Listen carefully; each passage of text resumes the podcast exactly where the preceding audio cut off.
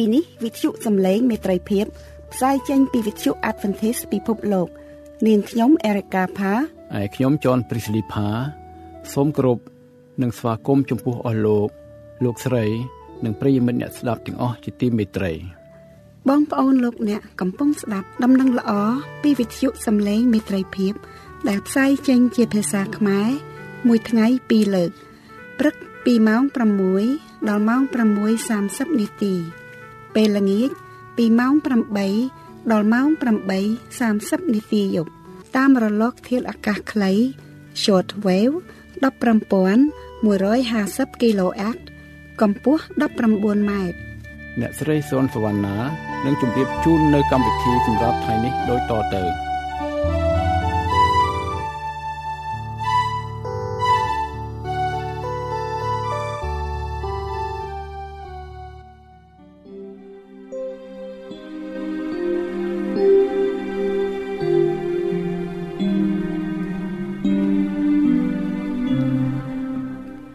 បងប្អូនស្ងួនភ្ងាជាទីគោរពនិងជាទីមេត្រី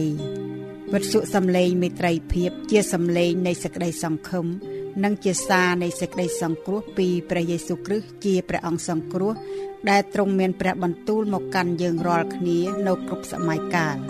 ព្រះគម្ពីរហូសេចំពុក4ខ6សម្ដែងថារះអញត្រូវបំផ្លាញទៅ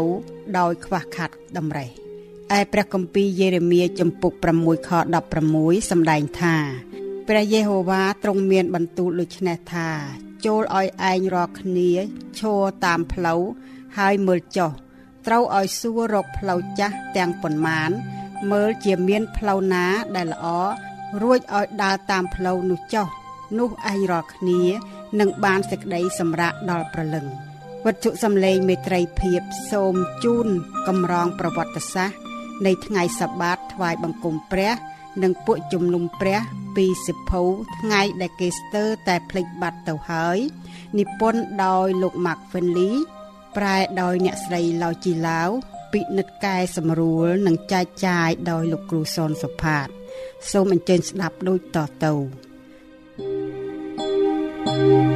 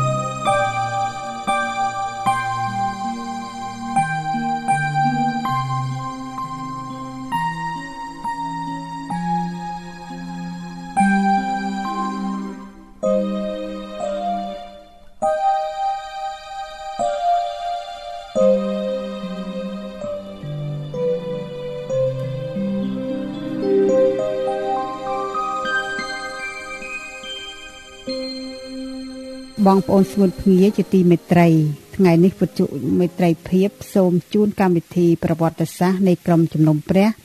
និងថ្ងៃថ្វាយបង្គំព្រះអត្ថបទប្រែពីសិភៅថ្ងៃដែលគេស្ទើរតែភ្លេចទៅហើយ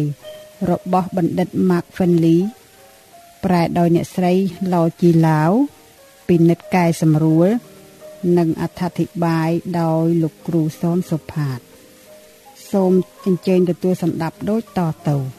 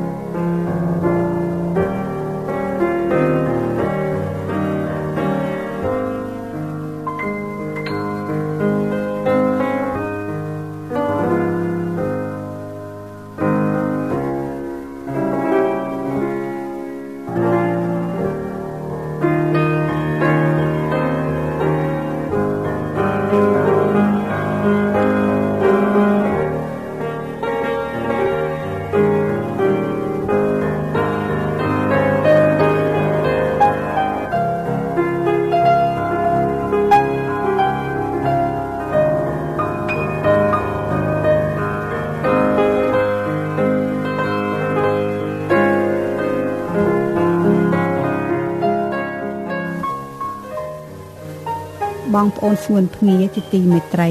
ថ្ងៃនេះនាងខ្ញុំសូមអានព្រះគម្ពីរម៉ាថាយជំពូក5ខ17ដល់20ព្រះយេស៊ូវមានបន្ទូលនៅព្រះគម្ពីរម៉ាថាយជំពូក5ខ17ដល់20ថាកុំឲ្យគិតស្មានថាខ្ញុំមកដើម្បីនឹងលើកក្រឹតវិន័យឬទំនាយពួកហោរាចោលឡើយខ្ញុំមិនមែនមកនឹងលើកចោលទេ គឺមកនឹងធ្វើឲ្យសម្រេចវិញត្បិតខ្ញុំប្រាប់អ្នករាល់គ្នាជាប្រកាសថានឹងគ្មានបាំងឈើមួយ ឬក្បៀសមួយនៅក្នុងក្រឹតវិន័យត្រូវបាត់ឡើយដល់រាប់ដល់កាលណាមេឃនិងផែនដី បានកន្លងបាត់ទៅ គឺទាល់តែសេចក្តីទាំងអស់បានសម្រេចដោយសពគ្រប់ដូច្នេះអ្នកណាដែលនឹងរំលងបត់ណាមួយសូមបីយ៉ាងតូចបំផុត ក្នុងបញ្ញត្តិទាំងនេះ ហើយបង្រៀនមនុស្សឲ្យធ្វើដូច្នោះដែរនោះនឹងត្រូវហៅជាអ្នកតូចបំផុតក្នុងនគរឋានសួគ៌តែអ្នកណាដែលកាន់តាមហើយបង្រៀនចំពោះបញ្ញត្តិទាំងនេះ នោះនឹងបានហៅជាអ្នកធំក្នុងនគរឋានសួគ៌វិញខ្ញុំប្រាប់អ្នករាល់គ្នាថា បើសេចក្តីសុចរិតរបស់អ្នករាល់គ្នាមិនលើសពីសេចក្តីសុចរិតនៃពួកអាចារ្យនិងពួកផារ៉ាស៊ីទេ នោះអ្នករាល់គ្នានឹងចូលទៅក្នុងនគរឋានសួគ៌ពុំបានឡើយនេះជាព្រះបន្ទូលដែលចេញពីព្រះអស់របស់ព្រះយេស៊ូវផ្ទាល់សូមព្រះជាម្ចាស់ប្រទានព្រះពរដល់អំណាចព្រះបន្ទូលរបស់ព្រះអង្គអាមែនបាទសូមថ្លែងអំណរគុណដល់អ្នកស្រីសុនសវណ្ណាចំពោះអំណាចព្រះបន្ទូលនៅថ្ងៃនេះខ្ញុំសូមគោរពស្វាគមន៍បងប្អូនលោកអ្នកនៅក្នុងនីតិប្រវត្តិសាស្ត្រនៃក្រុមជំនុំហើយនឹងប្រវត្តិនៃថ្ងៃសបាត នៅក្នុងការថ្វាយបង្គំព្រះហើយថ្ងៃនេះយើងបានមកដល់នៅចំណុចមួយទៀតគឺនៅក្នុងជំពូកទី4ដដែលគឺសតវត្សដែលផ្ទុកនៅស្មោបន្ទាល់ហើយនៅក្នុងឆ្នាំដំបូងនៃការក្បត់សាសនា the early apostate years ហើយនៅក្នុងនេះគឺមានការសង្ខេបនៃផុសតាមប្រវត្តិសាស្ត្រតាំងពីសតវត្សទី1រហូតដល់សតវត្សទី5បាទអរគុណព្រះអង្គ អឺនៅក្នុងថ្ងៃនេះយើងមកដល់អឺនៅ Abyssinia Abyssinia គឺនៅពាក់កណ្ដាលចុងក្រោយនៃសតវត្សទី4នោះគឺមានសន្តបុគ្គលម្នាក់ឈ្មោះសេនអាំប្រូសនៅក្រុងមីឡង់បានមានប្រសាសន៍ជាផ្លូវការថាគណៈសង្ឃ Bishop នៅ Abyssinia ឈ្មោះ Moses បានធ្វើដំណើរស្ទើរសពទីកន្លែង នៅក្នុងប្រទេសនៃពួក Seris តែពួក Seris គឺជាពួកចិនអរិយពេលច្រើនជាង17សតវត្សពួកជំនុំនៅ Abyssinia នៅបន្តញៀកថ្ងៃអឺសៅរ៍ជាថ្ងៃបរិសុទ្ធតាមក្រឹតវិន័យទី4យោងតាម Ambrose de Moribus នៅវល់17ទំព័រ1131និង1132ឥឡូវមកដល់នៅចំណុចនៃបូព៌ាទិស គឺពួកគ្រីស្ទៀនពីសម័យដើមមានការប្រុងប្រយ័ត្នណាស់ក្នុងការថ្វាយបង្គំព្រះនៅថ្ងៃសៅរ៍ឬហៅថាថ្ងៃទី7វិជាការសម័យគឺថាក្រុមជំនុំនៅបូព៌ាទិសគឺនៅលោកខាងកើតនោះនិងមួយផ្នែកធំនៃពិភពលោកគេថ្វាយបង្គំព្រះនៅថ្ងៃសាបាតគឺជាថ្ងៃដែលពិធីបុណ្យ Athanasius ក៏ដូចគ្នាដែរគឺប្រាប់យើងថាពួកគេប្រជុំ អឺពួកជំនុំតាមបែបសាសនានៅថ្ងៃសាបាតគឺមិនមែនមកពីគេធ្វើតាមពួកសាសយូដានោះទេប៉ុន្តែគឺដើម្បីថ្វាយបង្គំដល់ព្រះយេស៊ូវដែលជាព្រះអម្ចាស់នៃថ្ងៃសាបាតឬជាព្រះអម្ចាស់នៃថ្ងៃជប់សម្រាករីឯ Epiphanius ក៏មានប្រសាសន៍ដូចគ្នានោះដែរនៅប្រទេសពេក Persia ពីឆ្នាំ335ដល់375នៃគ្រិស្តសករាជ គឺការធ្វើទុកបៀតបៀនចំនួន40ឆ្នាំនៅក្រមរាជ Sapor ទី2 Sapor 2ពួកគេមានពាក្យរអ៊ូរទាំដល់បីល្បាញប្រឆាំងនឹងពួកគ្រីស្ទាននៅសម័យនោះគឺគេស្អប់ព្រះអាទិត្យដែលជាព្រះរបស់យើងណាភាសាអង់គ្លេសថា they despise our sun god ពួកគេមានកម្មវិធីថ្វាយបង្គំព្រះនៅថ្ងៃសៅរ៍ពួកគេបង្អាប់ដល់ផែនដីដ៏បរិសុទ្ធ ដោយកប់សាកសពនៅក្នុងនោះ ដកស្រង់ចេញពី Truth Triumphant ទំព័រ170នៅសតវត្សទី5រហូតមកដល់នៅសតវត្សទី5នេះគឺថាការថ្វាយបង្គំព្រះនៃសាសយូដានៅថ្ងៃសបាតនៅតែបន្តនៅក្នុងក្រុមជំនុំគ្រីស្ទានដកស្រង់ចេញពី Ancient Christianity Exemplified Lyman Coleman ដែលជំពូក25អឺ វគ្គទី2ទំព័រ527នៅក្នុងសម័យ Jerome នៅគ្រិស្តសករាជ420អឺអ្នកគ្រីស្ទានដ៏ស្មោះត្រង់បំផុតធ្វើការជាប្រកក្តីនៅថ្ងៃអាទិត្យដកស្រង់ចេញពី Treatise of the Sabbath Day by Dr. White Lord Bishop of Ely ទំព័រ219នៅប្រទេសបារាំងដូច្នេះលើកលែងតែពិធីថ្វាយបង្គំនៅវេលាល្ងាចនិងវេលាយប់ Vesper and Nocturne នោះនឹងគ្មានការថ្វាយបង្គំជាសាធារណៈនៅកណ្ដាលគេ វាតែនៅថ្ងៃសៅរ៍ជាថ្ងៃសបាតនិងថ្ងៃអាទិត្យដកស្រង់ពេញចេញពី John Cassian A French Monk Institute Book 3 Chapter 2 John Cassian បានផ្សព្វផ្សាយពីការថ្វាយបង្គំព្រះទាំងថ្ងៃសបាតនិងថ្ងៃអាទិត្យនៅក្នុងព្រះវិហាររបស់គាត់នៅប្រទេសបារាំងប៉ែកខាងត្បូង គាត់បានបង្រៀនថាថ្ងៃទី7នៃសប្តាហ៍គឺជាថ្ងៃសាបាតដែលមានតាំងពីព្រះបានបង្កើតលោកសន្និវាសដែលសរសេរដោយអង្គលីព្រះនៅលើបន្ទះថ្មហើយក៏បានប្រទានដល់មនុស្សជាតិសម្រាប់គ្រប់សម័យកាលគាត់បានបដិសេធមិនព្រមទទួលយកផែនការរបស់ក្រុងរ៉ូមដែលថ្វាយបង្គំព្រះតែនៅថ្ងៃអាទិត្យនោះ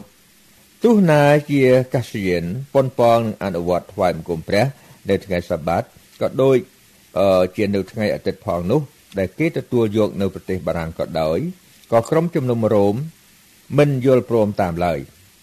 ជាផលវិបាកគម្រោងនៃការថ្វាយបង្គំព្រះនៅថ្ងៃសបាតរបស់គាត់មិនដែលបានទទួលយកដោយពេញលេញបរិបូរនៅក្នុងប្រទេសបារាំងឡើយ Sidonius គឺនិយាយពីស្ដេច Theodoric Nigos ពីគ្រិស្តសករាជ454រហូតដល់526 វាជាការពិតណាស់ថាវាជាទំនៀមទម្លាប់នៃពួកនៅប្រទេសអឺប៉ែកខាងកើតដែលរក្សាថ្ងៃសបាតរបៀបដូចគ្នានឹងថ្ងៃនេះព្រះអង្គម្ចាស់ដែរហើយក៏ប្រជុំពួកជំនុំបរិសុទ្ធដែរចំណែកឯពួកអ្នកនៅប្រទេសខាងលិចវិញ បានរីករាយនឹងថ្ងៃនៃព្រះអង្គម្ចាស់ហើយបានប្រមាថគឺធ្វើប្រហែសដល់ពិធីថ្វាយបង្គំព្រះនៅថ្ងៃសបាតដកស្រង់ចេញពី Apollinaris Sidonii Epistle កុងស្តង់ទីណូប៉ូលបណ្ដាជននៅកុងស្តង់ទីណូប៉ូលនិងអឺមនុស្សនៅស្ទើរតែគ្រប់កន្លែងជួបប្រជុំគ្នានៅថ្ងៃសបាតគឺថ្ងៃសៅរ៍ក៏ដូចជានៅថ្ងៃទី1នៃសប្តាហ៍ផងដែរហើយដែលប្រពៃណីនោះមិនដែលធ្លាប់គេអនុវត្តនៅក្រុងរ៉ូមឬនៅ Alexandria ឡើយដកស្រង់ចេញពី Socrates Ecclesiastical History នៅសភៅទី7ជំពូក19នៅប្រទេសអេស៊ីប មានទីក្រុងជាច្រើននិងភូមិស្រុកនៅអេស៊ីបដែលគេអនុវត្តផ្ទុយពីកន្លែងផ្សេងទៀតគឺបណ្ដាជនជួបប្រជុំគ្នានៅថ្ងៃសបាតថ្ងៃសៅរ៍វេលាល្ងាចហើយទោះបីជាគេបានទទួលទានអាហារល្ងាចរួចហើយក្តីគេក៏ចូលរួមនៅក្នុងពិធីដ៏អស្ចារ្យបាំងនោះដកស្រង់ចេញពី Sozoman Ecclesiastical History សភៅទី7នៅចំពុក19សម្ដេចប៉ាប Innocent Pope Innocent ពីគ្រិស្តសករាជ402រហូតដល់417សម្ដេចប៉ាប Sylvester Pope Sylvester ពីគ្រិស្តសករាជ314ដល់335គឺជាមនុស្សទី1ដែលបញ្ជាឲ្យពួកជំនុំទាំងឡាយតមអត់គឺ fasting នៅថ្ងៃសៅរ៍រួចមកសម្ដេចប៉ាប Innocent គឺពីគ្រិស្តសករាជ401រហូតដល់417ក៏បានធ្វើការនេះឲ្យទៅជាច្បាប់ដែល ជាធរមាននៅក្នុងក្រុមជំនុំដែលស្ដាប់បង្គាប់ដល់គាត់ដើម្បីធ្វើឲ្យថ្ងៃសបាតឲ្យទៅជាថ្ងៃដែលមិនប្រកបដោយភាពអនុគ្រោះរីករាយ innocentious ក៏បានតែងតាំងថ្ងៃសៅរ៍ឬថ្ងៃសបាតឲ្យគេរាល់គ្នាតមអត់អាហារជានិច្ចតទៅដកស្រង់ចេញពីដុកទ័រ Peter Hyland ប្រវត្តិសាស្ត្រនៃថ្ងៃសបាតភាគទី2ចំពុក2ចំពោះ44 យើងខ្ញុំសូមស្លេះតែត្រឹមនេះសិននៅនេតិក្រោយបងប្អូនលោកអ្នកនឹងបានស្ដាប់ពីប្រវត្តិសាស្ត្រពុស្ដាថែមទៀតអំពីថ្ងៃសបាតដែលត្រូវបានគេរក្សាតរៀងមក មានប្រពោពិសេសសម្រាប់អ្នកណាដែលរក្សាថ្ងៃឈប់សម្រាកដូចមានចែងនៅក្នុងព្រះគម្ពីរអេសាយចំពុក56នៅខ2សម្ដែងថា មានពរហើយមនុស្សណាដែលប្រព្រឹត្តយ៉ាងនោះព្រមទាំងកូនមនុស្សណាដែលកាន់សេចក្តីនេះឲ្យខ្ជាប់ខ្ជួនផង គឺជាអ្នកដែលថែរក្សាថ្ងៃឈប់សម្រាកឥតបង្អាប់ហើយរក្សាដៃមិនឲ្យធ្វើការអាក្រក់ណាឡើយហើយនៅខ5ព្រះជាម្ចាស់មានបន្ទូលថាអញនឹងឲ្យគេមានទីកន្លែងមួយនៅក្នុងព្រះវិហារអញហើយឲ្យមានឈ្មោះឆ្លាក់នៅជញ្ជាំងខាងក្នុងដែលវិសេសជាងកូនប្រុសកូនស្រីទៅទៀតអញនឹងឲ្យគេមានឈ្មោះដល់នៅអស់កលជានិច្ចជាឈ្មោះដែលមិនត្រូវកាត់ចេញឡើយការដែលមានឈ្មោះនៅក្នុងបញ្ជីជីវិតនោះគឺជាការចាំបាច់ណាស់សម្រាប់យើងទាំងអស់គ្នា ដែលរៀបចំខ្លួនសម្រាប់ចូលទៅនគរឋានសួគ៌បើសិនបើយើងពិចារណាទៅនឹងសេចក្តីព្រមាននៅក្នុងព្រះគម្ពីរវិវរណៈចំពុក20វិវរណៈចំពុក20ខ15បើអ្នកណាគ្មានឈ្មោះកត់ទុកក្នុងបញ្ជីជីវិតអ្នកនោះត្រូវបោះទៅក្នុងបឹងភ្លើងដូច្នេះសូមបងប្អូនសុនភ្ងាបានពិនិត្យពិចារណាទៅលើបទបន្ទូលរបស់ព្រះអង្គហើយទៀងផ្ទាត់ទៅនឹងប្រវត្តិសាស្ត្រដែលអាចនឹងជួយឲ្យយើងទាំងអស់គ្នាមានការរៀបចំសម្រាប់ ពេលព្រះអង្គទ្រង់យាងមកជាលើកទី2សូមព្រះជាម្ចាស់ប្រទានប្រពរ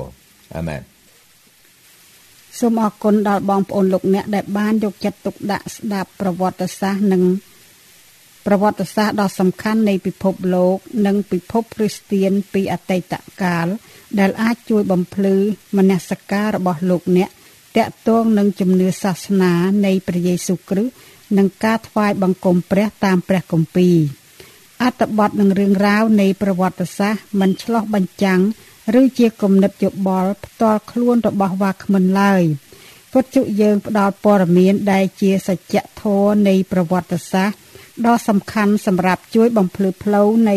សេចក្តីជំនឿនិងសេចក្តីសង្គ្រោះរបស់លោកអ្នកគ្រប់គ្រប់រូបនេតិយើងនឹងវិលត្រឡប់មកជួបបងប្អូនលោកអ្នកនៅសប្តាហ៍ក្រោយ យើងនឹងបន្តជំពូកទី4 សតវត្សដែលផ្ទុកនៅស្មោបន្តជាបន្តទៅទៀតសូមព្រះជាម្ចាស់ប្រទានព្រះពរអាមែន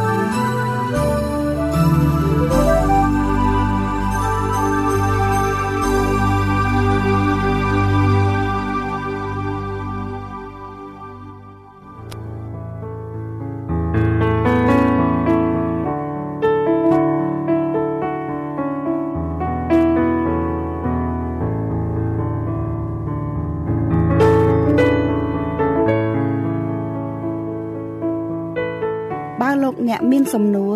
ឬសំណូមពរផ្សេងផ្សេងឬចង់ដឹងពីក្រុមជំនុំដែលនៅជិតសូមតាក់ទងមកការិយាល័យវិទ្យុសំឡេងមេត្រីភាព តាមទូរស័ព្ទលេខ012 34 96 64ឬអ៊ីមែលទៅ vol@awr.org អូនអើយ ចូលចាំចាំថា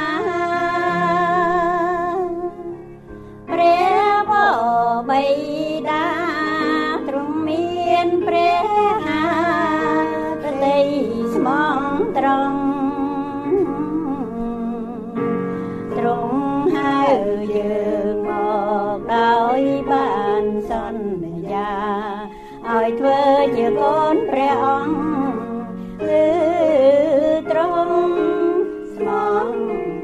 រង់មិនដែលបបងក៏ណាមជួយចោលសាឡា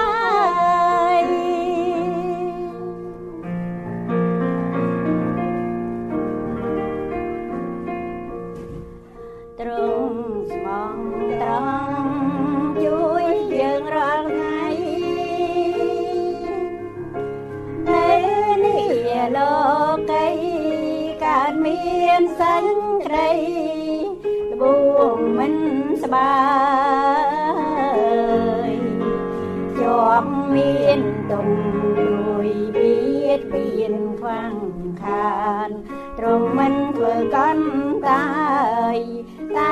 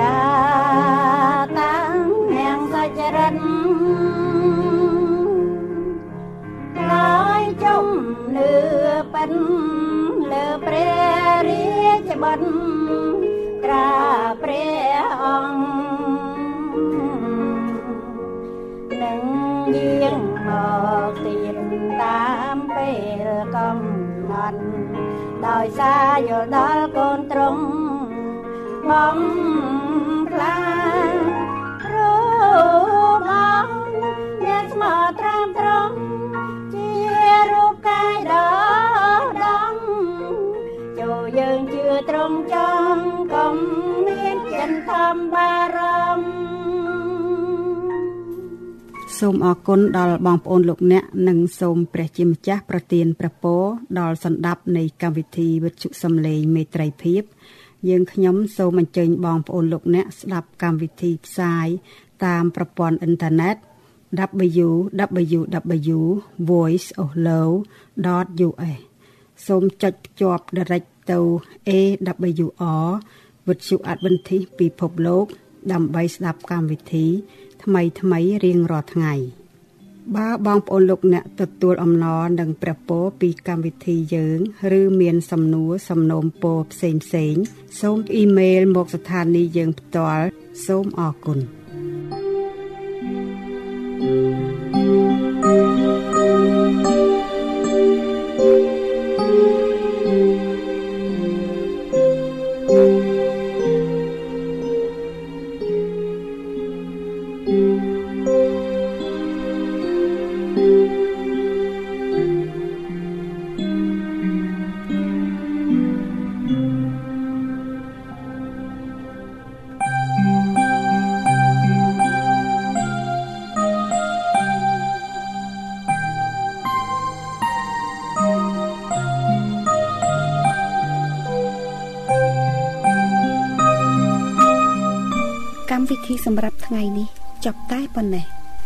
វិទ្យុយើង